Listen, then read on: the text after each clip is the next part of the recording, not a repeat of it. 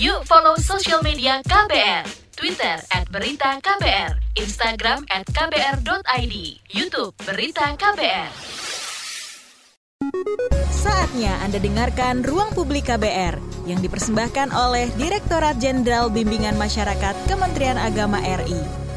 Halo, selamat pagi. Kita berjumpa kembali dalam ruang publik KBR yang dipersembahkan oleh Kementerian Agama Republik Indonesia bersama saya Rizal Wijaya. Dan kita akan berbincang mengenai bimbingan perkawinan, ikhtiar Kementerian Agama cegah stunting.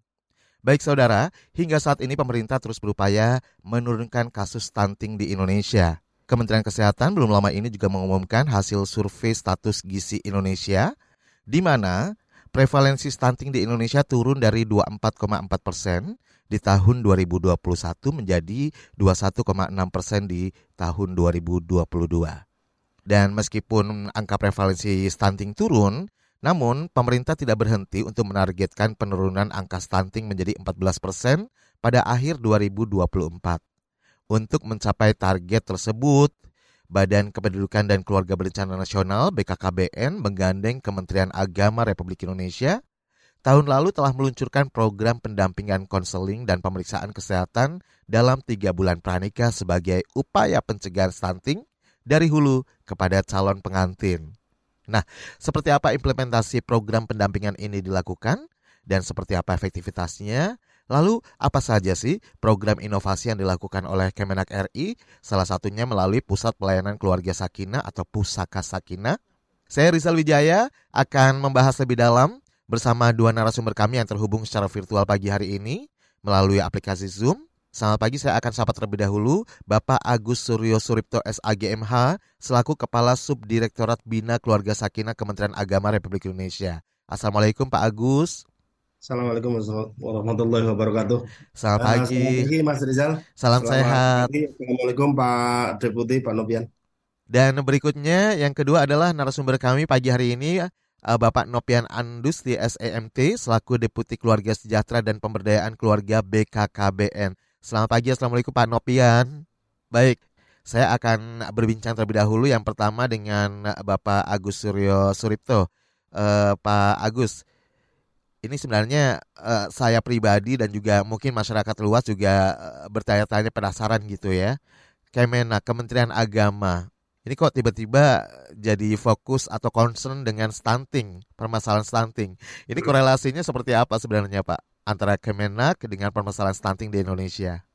Baik, uh, selamat pagi Mas Rizal Wijaya. Selamat pagi para uh, pendengar uh, radio KPR di mana pun Anda berada. Jadi uh, Kementerian Agama sebagai salah satu lembaga negara bertanggung jawab untuk mengurusi urusan-urusan keagamaan di Indonesia, seperti masalah-masalah agama, pendidikan agama, uh, masalah layanan sosial keagamaan dan lain-lain.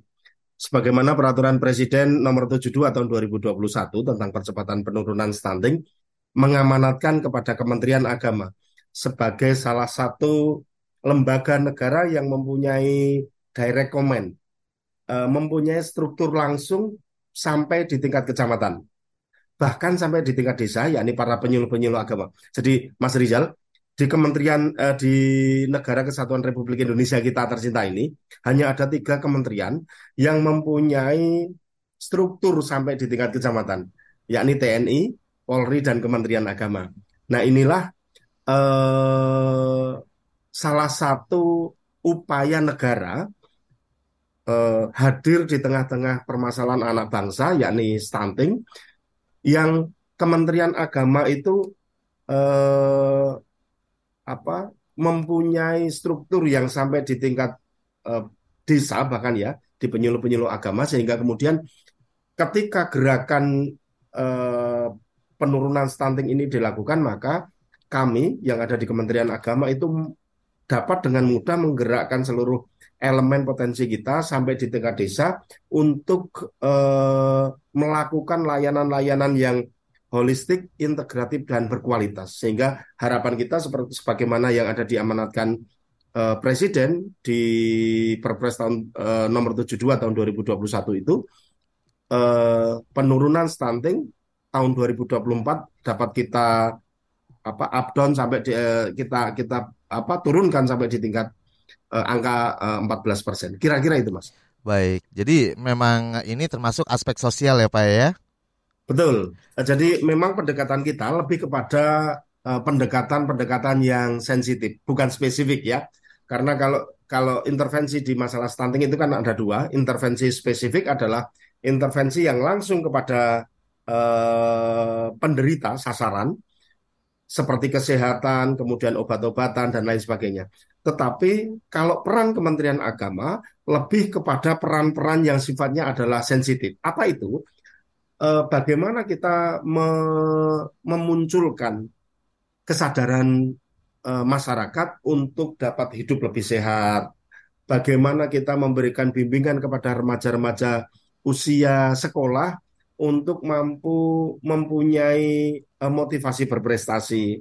Bagaimana kita memberikan bimbingan kepada calon pengantin agar eh, anak-anak uh, yang dilahirkan dari keluarga itu adalah anak-anak yang berkualitas dan bebas dari stunting. Kira-kira itu, Mas. Oke, karena bagaimanapun juga uh, Kemenak melalui KUA juga menjadi gerbang utama gitu ya, Pak ya? Salah uh, kalau menurut saya sasaran target yang yang uh, konkret itu adalah Kementerian Agama karena sasaran Kementerian Agama adalah orang-orang yang akan mencetak generasi baru. Ya kan? Calon pengantin ketika akan membentuk eh, mahlige rumah tangga pasti akan melalui lembaga yang namanya kantor urusan agama.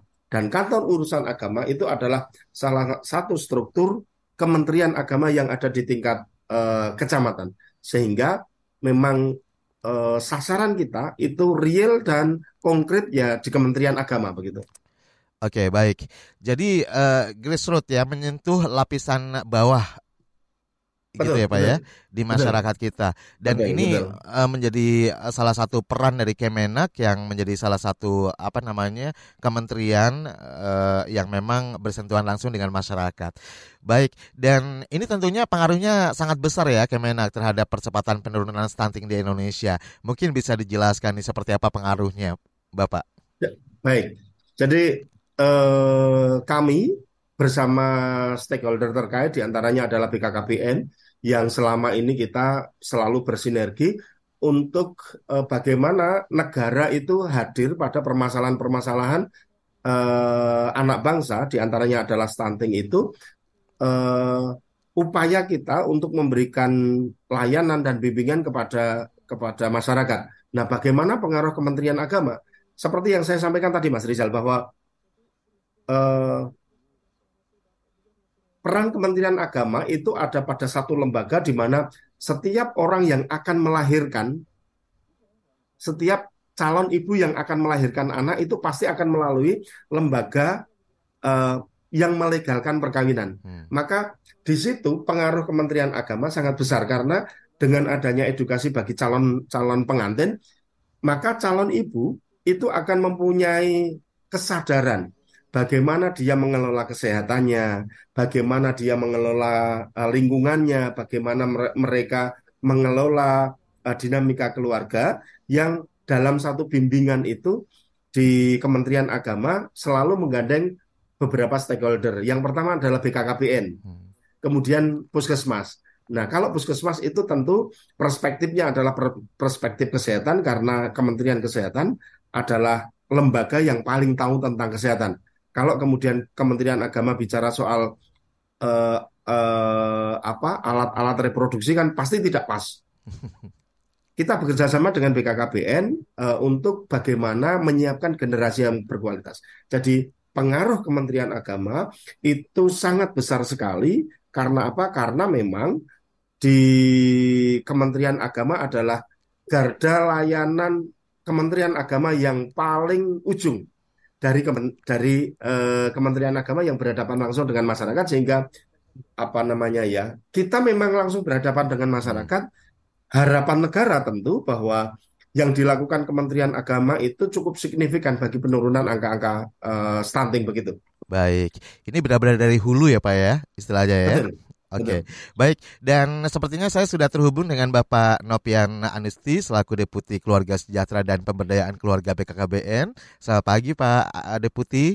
Selamat pagi, selamat pagi. Mas Rizal, selamat pagi. Salam ya. sehat pada Putih. Mohon maaf mengganggu kesibukannya ya pagi oh, hari ini ya. Saya mohon maaf agak, agak telah bergabung karena tadi buka acara dulu. iya betul betul. Baik.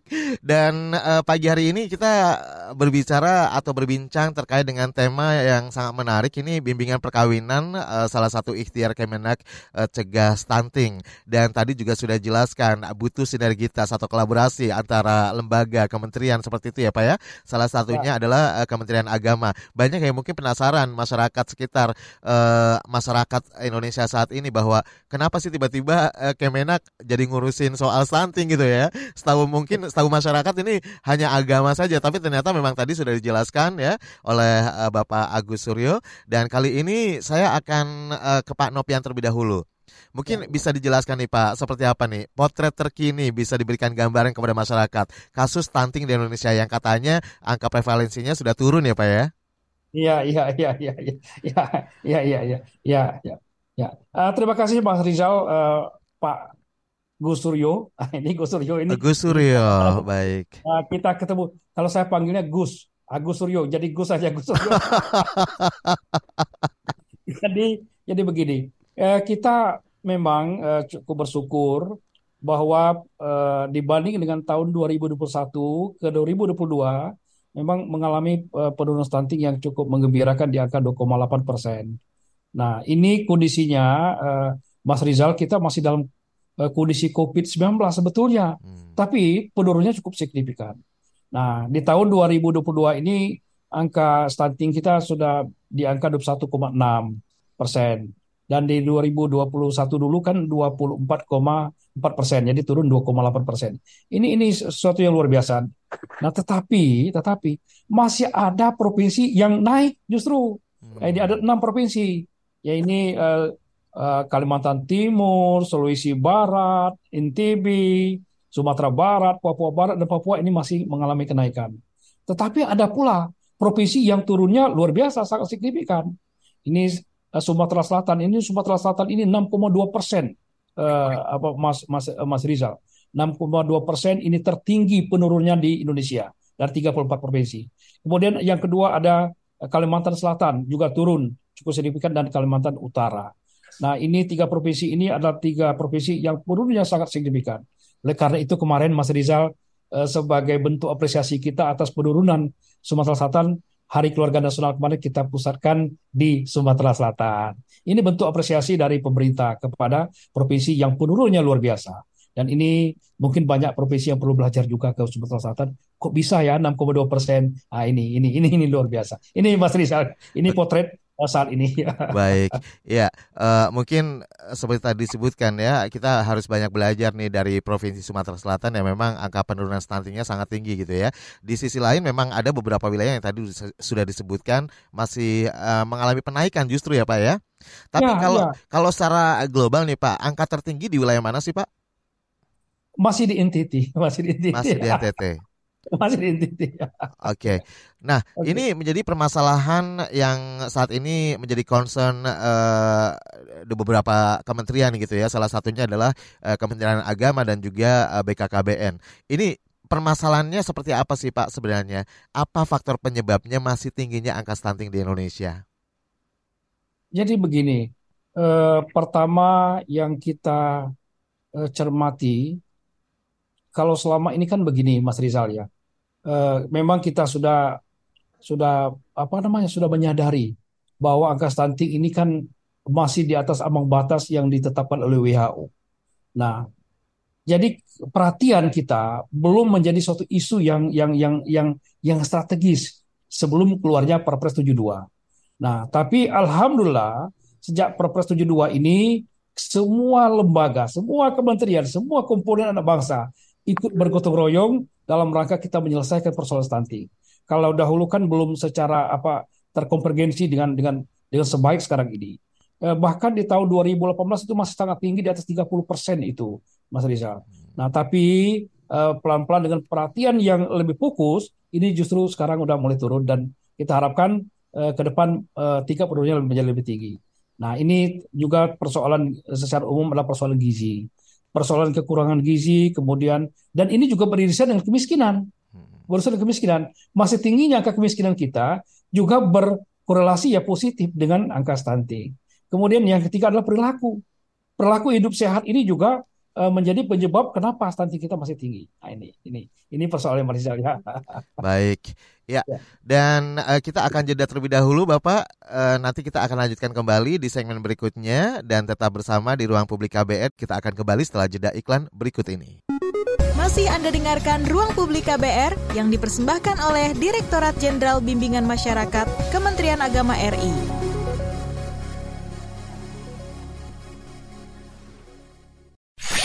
Commercial break. Commercial break.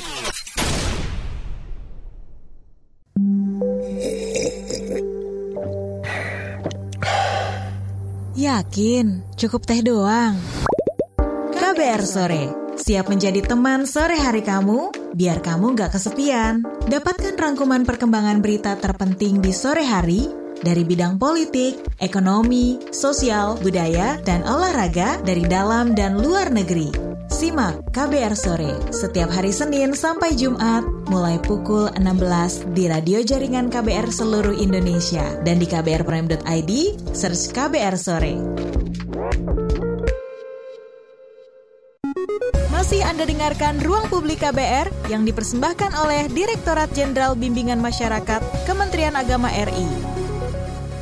Anda masih menyimak Ruang Publik KBR yang dipersembahkan oleh Kementerian Agama Republik Indonesia dan tema kita hari ini adalah Bimbingan Perkawinan Ikhtiar Kemenak Cegah Stunting. Dan saya tidak sendirian karena masih terhubung secara virtual ya bersama Bapak Agus Suryo Suripto SAG MH selaku Kepala Subdirektorat Bina Keluarga Sakinah Kementerian Agama Republik Indonesia, serta Bapak Nopian Andusti SMET, eh, Deputi Keluarga Sejahtera dan Pemberdayaan Keluarga BKKBN.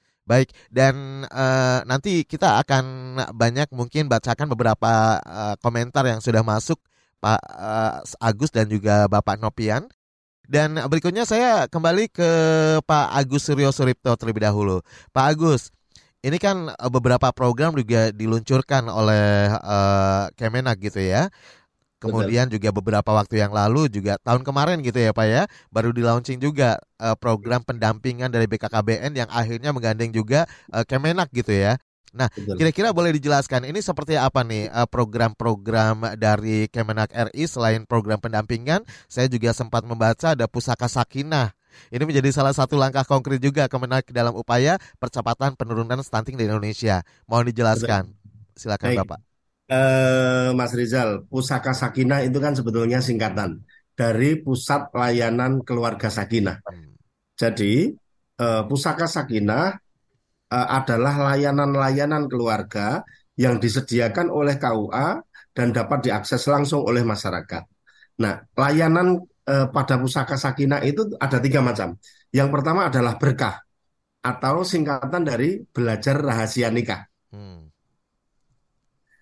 Itu adalah layanan yang disediakan oleh KUA bagi remaja atau calon pengantin dan keluarga-keluarga muda yang menghendaki pengetahuan dan keterampilan bagaimana mengelola pribadi, bagaimana menyiapkan keluarga, uh, menyiapkan uh, sebuah keluarga, serta mengelola uh, rumah tangga mereka.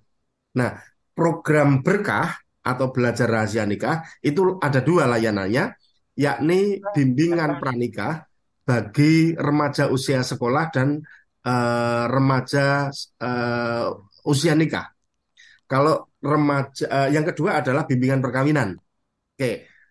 Bimbingan usia bimbingan remaja usia sekolah itu kami khususkan bagi anak-anak kita yang duduk di kelas uh, di sekolah lanjutan tingkat atas di SMA, SMK dan sebagainya uh, agar mereka mempunyai kemampuan untuk uh, mengelola pribadi, menumbuhkan self awareness, karena remaja-remaja itu kan mempunyai potensi yang luar biasa yang menja bisa menjadi generasi yang berkualitas. Jangan sampai karena mereka tidak mampu mengelola uh, pribadi itu kemudian terjerumus kepada pergaulan-pergaulan yang salah, penyalahgunaan obat narkotika, pergaulan bebas, sehingga akibatnya apa?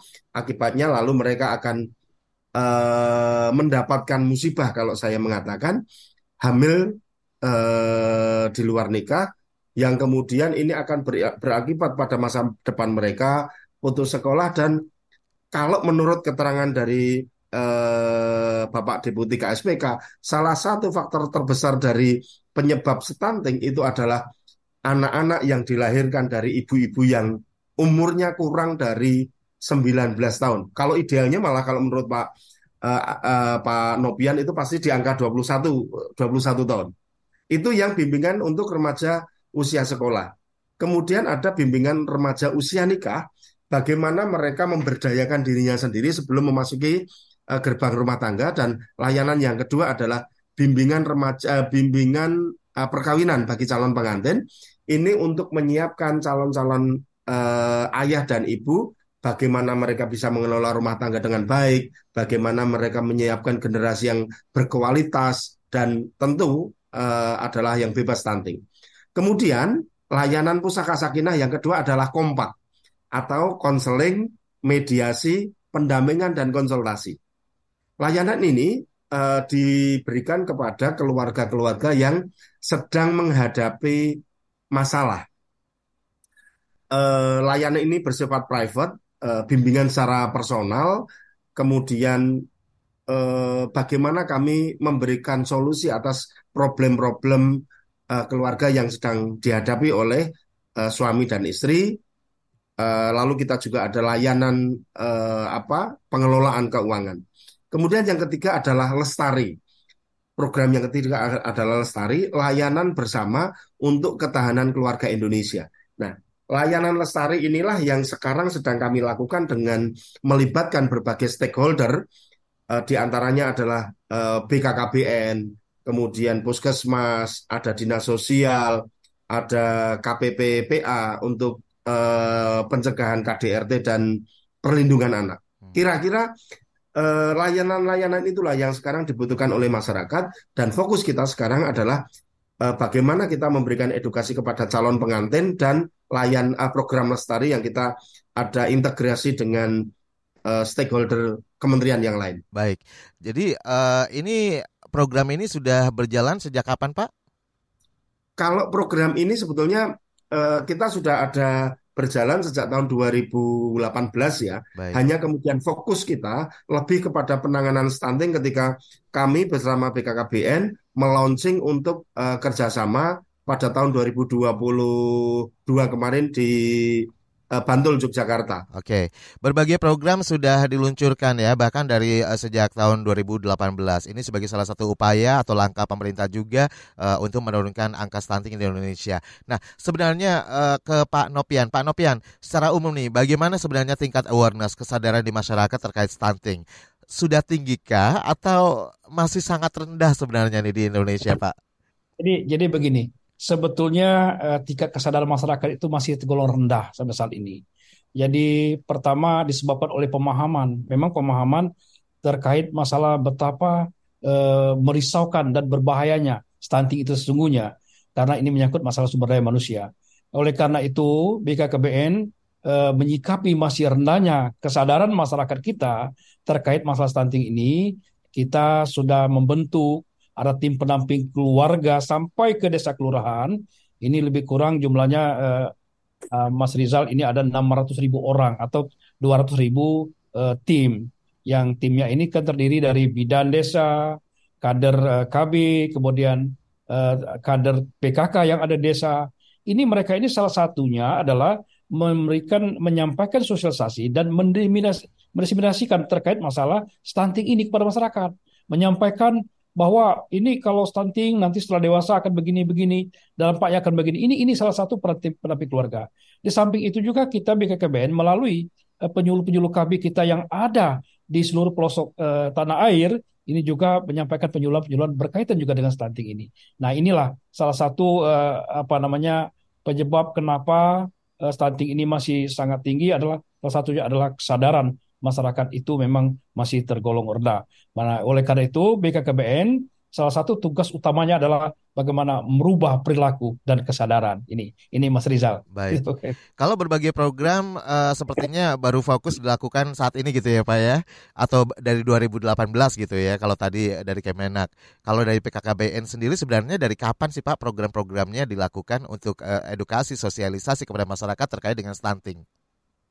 Sebetulnya sejak dahulu sebetulnya, sejak dahulu. Karena eh, apa namanya terkait masalah stunting ini kan beririsan dengan tugas pokok dan fungsi BKKBN sebetulnya. Hmm. Tetapi kita lebih fokus lagi, ini tentunya sejak keluar Peraturan Presiden Nomor 72 Tahun 2021 tentang percepatan stunting, di mana mengamanahkan Kepala BKKBN sebagai Ketua Pelaksana Tim Percepatan Stunting tingkat nasional.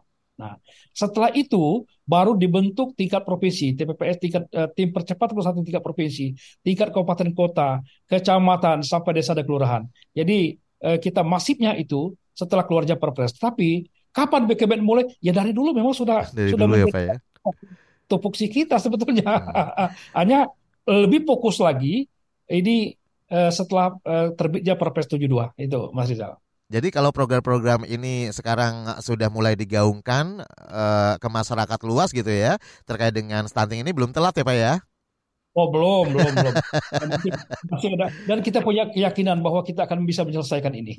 Baik. Dan tentunya uh, dari PKKBN udah banyak banget yang dilakukan upaya-upaya sosialisasi, edukasi menyeluruh dilakukan uh, kepada masyarakat karena memang seperti tadi disebutkan tingkat kesadaran di masyarakat masih rendah gitu ya Pak terkait stunting. Nah, uh, mungkin nanti bisa dijelaskan Pak terkait program-program dari BKKBN yang diluncurkan dalam rangka upaya penurunan stunting ini, tapi kita jeda dulu ya Pak ya. Dan nanti kita akan coba bacakan juga beberapa komentar yang sudah masuk melalui live chat YouTube Berita KBR dan juga WhatsApp di 0812 118 8181. Tetap di ruang publik KBR bersama saya Rizal Wijaya. Masih Anda dengarkan Ruang Publik KBR yang dipersembahkan oleh Direktorat Jenderal Bimbingan Masyarakat Kementerian Agama RI.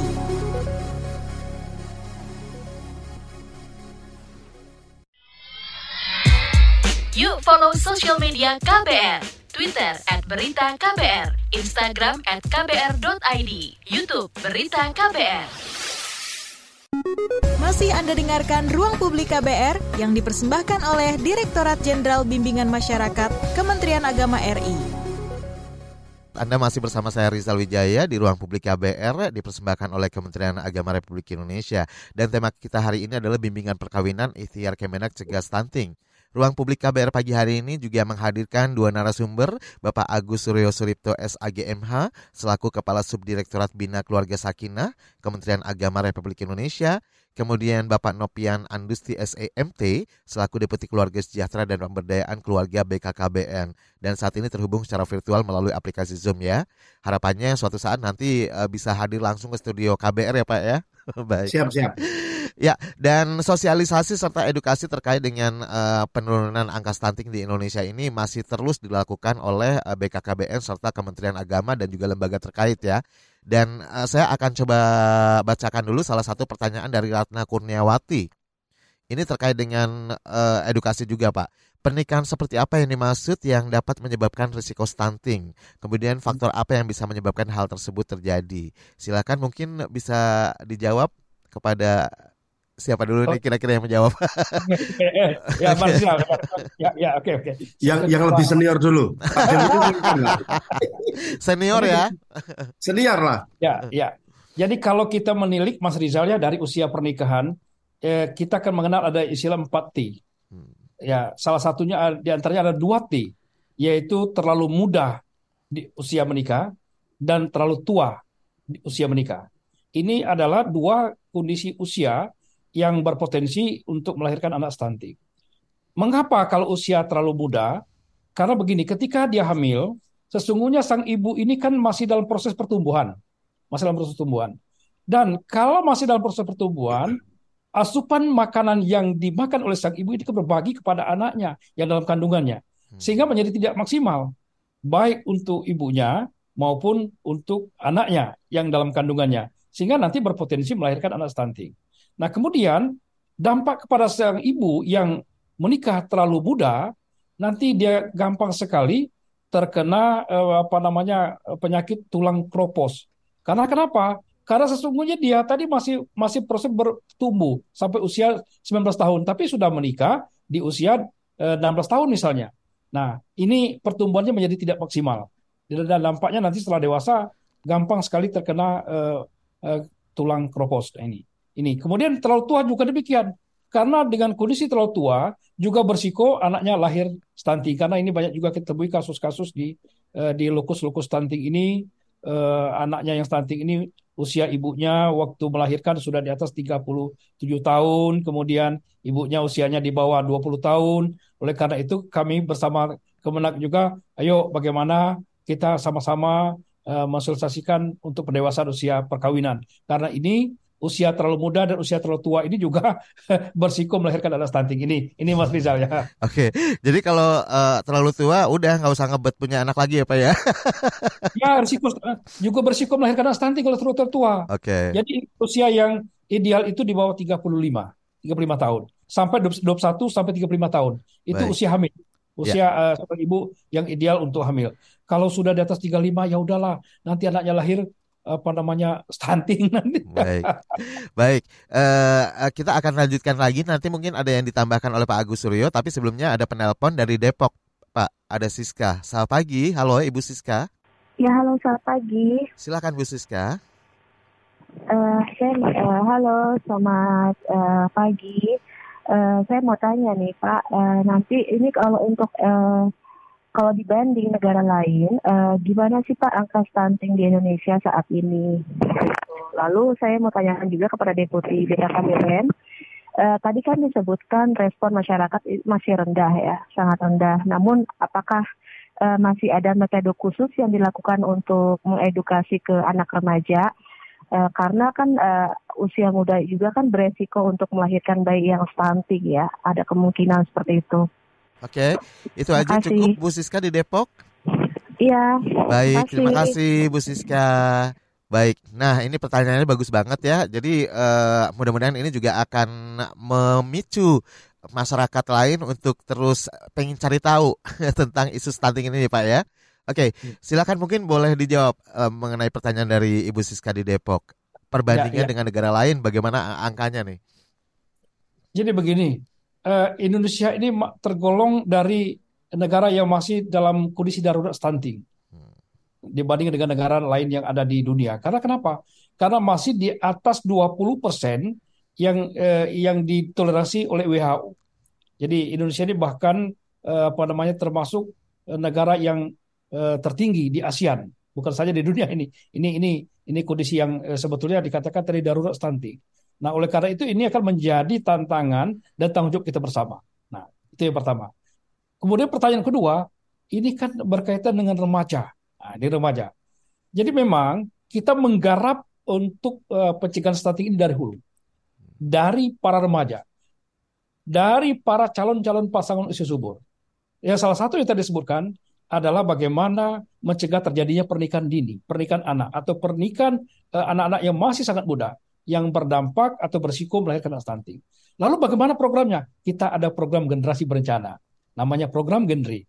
Nah, kalau selama ini ya eh, genre ini duta-duta genre itu hanya ada pada tingkatan kabupaten kota ke atas. Hmm. Jadi dari pusat, secara nasional, provinsi dan kabupaten kota. Dan ini tidak atau belum menyentuh kepada seluruh lapisan eh, apa masyarakat, terutama para remaja yang ada di desa kelurahan. Oleh karena itu, Mas Rizal ya, Bapak Kepala BKKBN, beliau sangat peka. Loh, ini kalau sampai ke kabupaten yang akan menularkan, menyampaikan apa namanya e, nilai-nilai generasi berencana ke remaja-remaja yang ada di desa di luar siapa? Maka kita bentuklah mulai akhir tahun 2022 kemarin kita bentuk setiap desa ada kelurahan ada sepasang duta genre. Inilah yang akan menyampaikan pesan-pesan generasi berencana. Dan saat ini sudah terbentuk 70% eh, di seluruh desa kelurahan terbentuk.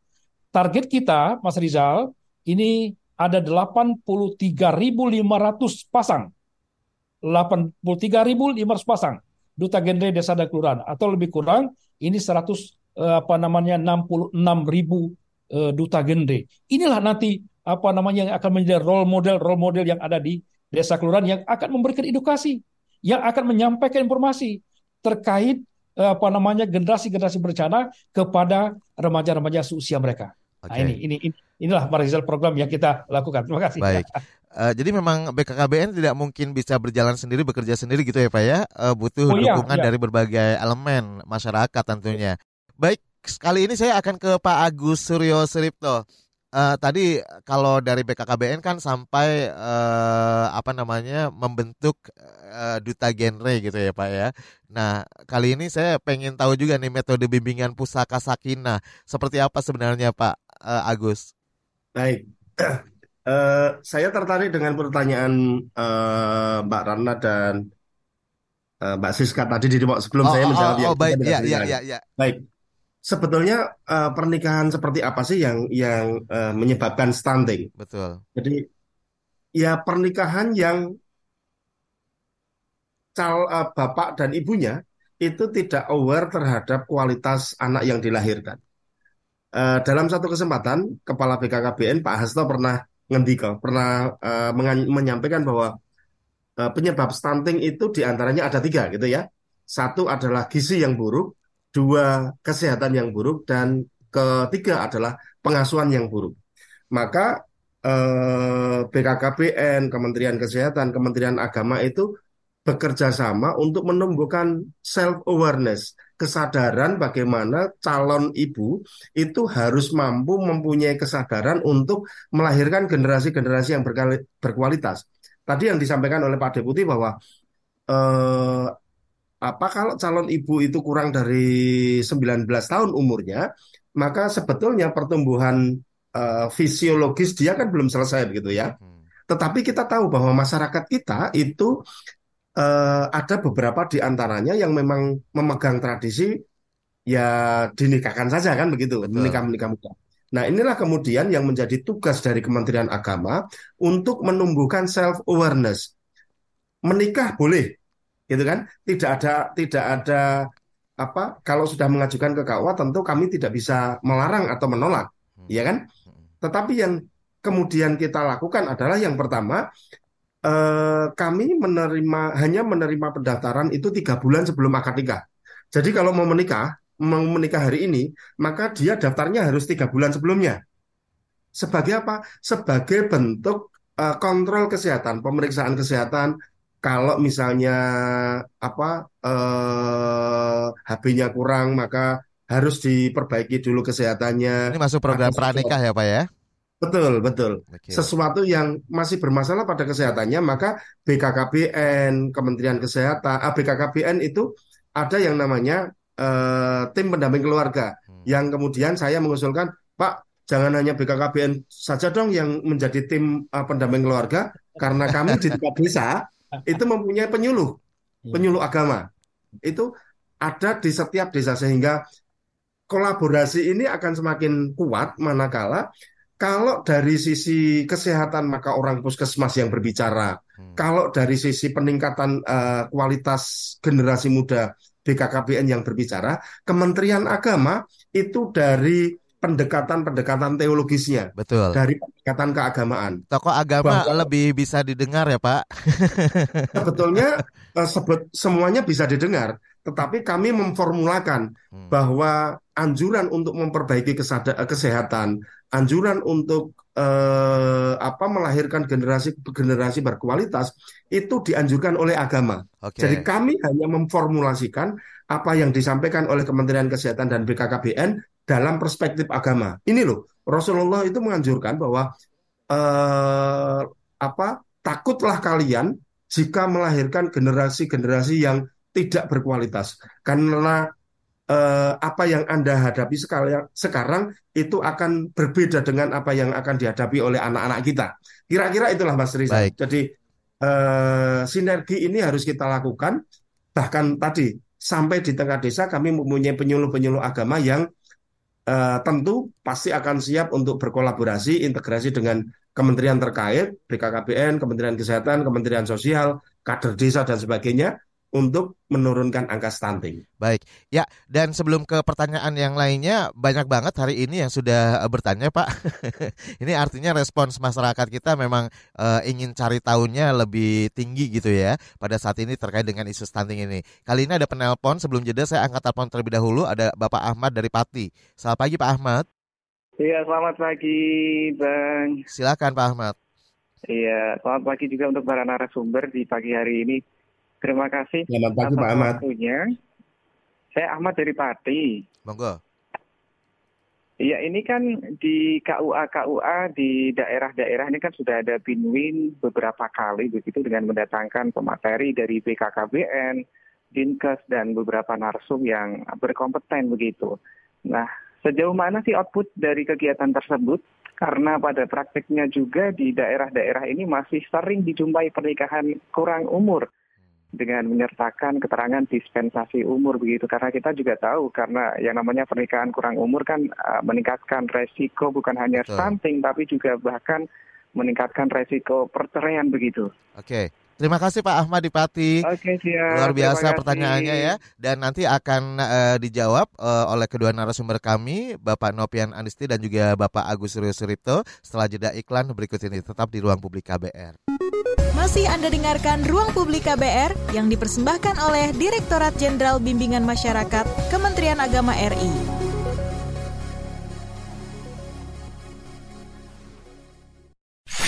Commercial break.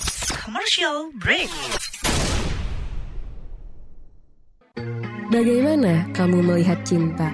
Seberapa jauh eksplorasimu soal cinta?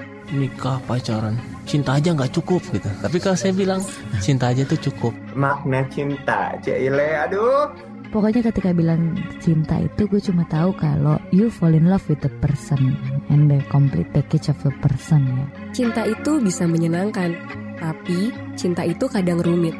Tiap orang punya ragam cerita cintanya.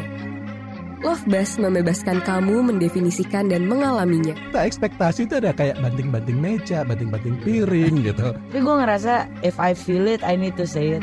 Dengarkan Love Bus di kbrprime.id, tersedia juga di platform mendengarkan podcast lainnya. Love Buzz membicarakan perkara yang tidak dibicarakan ketika berbicara perkara cinta.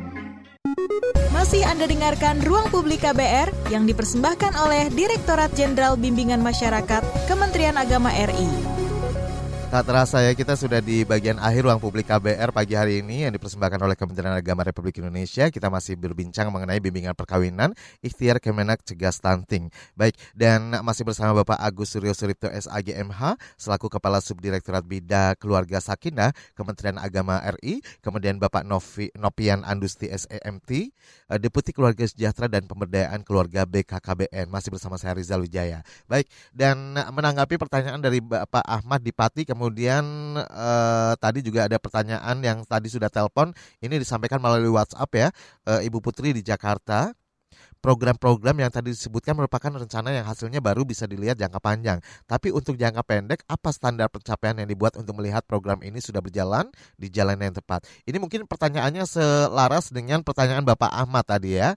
Eh, di KUA daerah sudah banyak eh, dilakukan program penyuluhan yang menghadirkan BKKBN dan juga Kemenak. Sejauh apa nih output dari kegiatan tersebut? Karena masih banyak pernikahan di bawah umur. Nah, mungkin pernikahan di bawah umur ini juga salah satunya eh, budaya juga di beberapa daerah, di beberapa wilayah eh, terkait stigma juga. Kalau misalnya nggak nikah-nikah, ntar eh, disangka perawan tua apa segala macam. Ini kan masih subur juga, tumbuh subur juga stigma dan eh, anggapan ini ya Pak ya. Bagaimana nih tanggapannya? Silakan dari kedua narasumber kami boleh menjawab pertanyaan-pertanyaan eh, dari pendengar kita. Senior dulu, senior dulu. Senior lagi ya, Pak Nopian, Pak Deputi Ya, monggo. ya. Jadi, jadi begini, eh, Mas Rizal, eh, Gus eh, Suryo. Jadi salah satu eh, apa namanya alasan atau landasan kenapa kita bentuk duta-duta genre sampai ke pelosok desa kelurahan. Nah, karena kenapa? Yang menjadi tugas duta genre itu itu ada tiga. Yang pertama, ayo cegah pernikahan dini tadi. Yang kedua, cegah nafsa dan ketiga, cegah seks bebas. Dan sekarang bertambah, cegah terorisme. Nah, ini, ini. Iya. Jadi oleh karena itu menyikapi masih terjadinya masih tingginya tingkat pernikahan anak yang dibuktikan dengan masih banyaknya dispensasi pernikahan, maka kepala BKKBN, waduh kalau begini kemungkinan karena duta-duta kita masih sedikit yang ingin menyampaikan kepada remaja. Karena begini Mas Rizal, eh, untuk menyampaikan sesuatu yang positif, yang paling tepat itu adalah remaja itu sendiri kepada remaja lainnya. Karena kenapa? Kalau orang tua yang menyampaikan, anak-anak ini nggak nggak betah lah menerima apa namanya kalau berdiskusi nggak betah lah, merasa tidak nyaman. Tetapi kalau remaja itu sendiri sesama mereka, mereka merasa nyaman. Apalagi kalau Oleh satu circle ya Pak ya. Ya, oleh karena itu remaja dengan remaja. Jadi remaja yang menjadi role model di desa tadi, yang kita sebut duta gender tadi, mereka akan berdiskusi, mereka akan memberikan edukasi, mereka akan menjadi konselor untuk remaja-remaja yang ada di desa masing-masing. Inilah salah satu alat instrumen kita, eh, petugas-petugas kita yang akan nanti anak-anak ini yang akan mengajak para remaja ya, ayo jangan dulu dong menikah, kita sekolah dulu. Ada yang yang keren Mas Rizal ya di di Kepri itu. Kalau bahasanya kalau kalau bahasa Indonesia begini, saya belum ingin menikah sebelum saya sukses. Nah, ini. Yes. Saya lo apa nah itu bahasa Indonesianya. Ini keren sekali. Ini semboyan keren sekali. Jadi mereka bersepakat, bertekad kami belum akan menikah kalau kami belum sukses. Ah, ini baru keren. Nah, kira-kira seperti ini aja Mas Rizal. Ini ini. Itu dan kemudian bagaimana eh, apa namanya ukuran capaiannya nanti akan kita lihat. Bagaimana apakah menurun atau naik ini tingkat pernikahan ini. Kalau itu naik, ah, ini nanti yang digantung Gus Suryo sama saya ini nanti. Untuk jangka Karena- pen- untuk jangka pendeknya dulu Pak yang mungkin Ya. sudah mulai terlihat. Ya, untuk jangka pendeknya kan kelihatan nanti. Ini kan kita untuk memasifkan apa namanya duta gender ini kan baru mulai tahun ini sebetulnya. Oke. Nanti kita akan kelihatan tahun depan. Ini Jadi kalau kalau sekarang ditanyakan belum eh, ada data pastinya gitu ya Pak ya? Eh, sebetulnya sebetulnya ada sebetulnya, tapi bukan Hmm. dari sisi pernikahan ini, tapi secara umum stunting kita kan turun. Oke. Itu kan kelihatan. Itu stunting kita turun. Ini salah satu. Karena salah satu penyebab stunting ini adalah dampak daripada pernikahan dini. Baik. Ini pernikahan anak-anak tadi. Nah, kita bisa melihat ini stunting kita turun.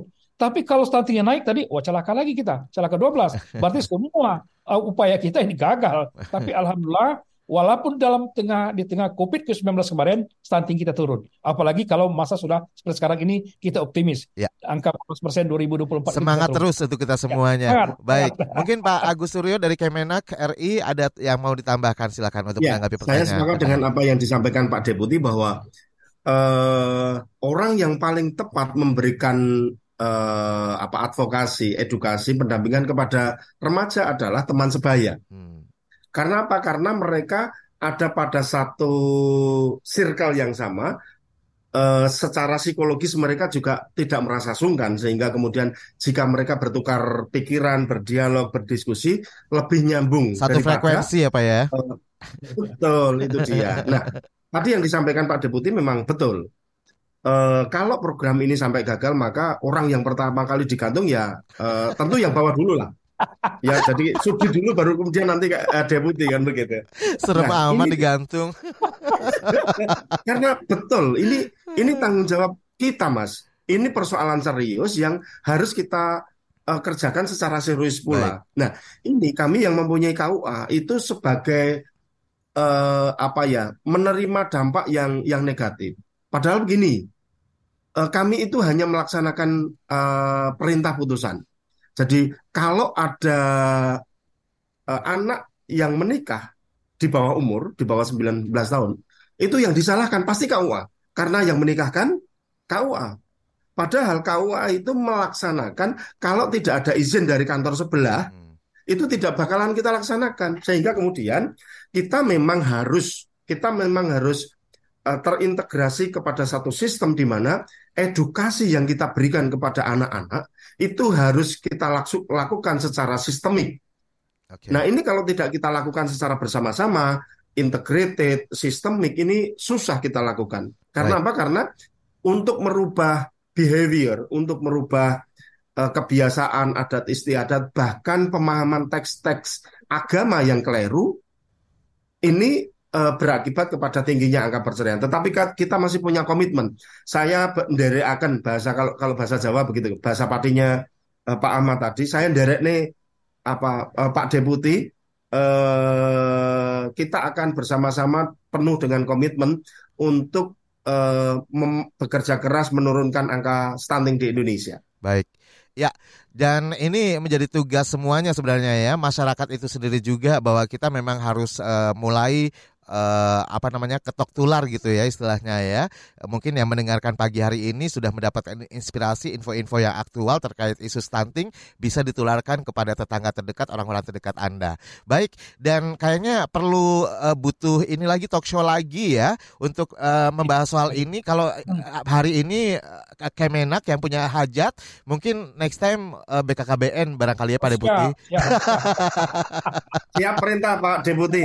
Iya, karena kan respon masyarakat juga terbukti pagi hari ini luar biasa loh. Iya, baik. Dan terima kasih sekali atas waktunya Pak Deputi dan juga Pak Agus Suryo Suripto pagi hari ini. Maaf sekali sudah mengganggu kesibukan Anda. Saya eh, Rizal Wijaya harus segera pamit. Terima kasih. Wassalamualaikum warahmatullahi wabarakatuh. Salam.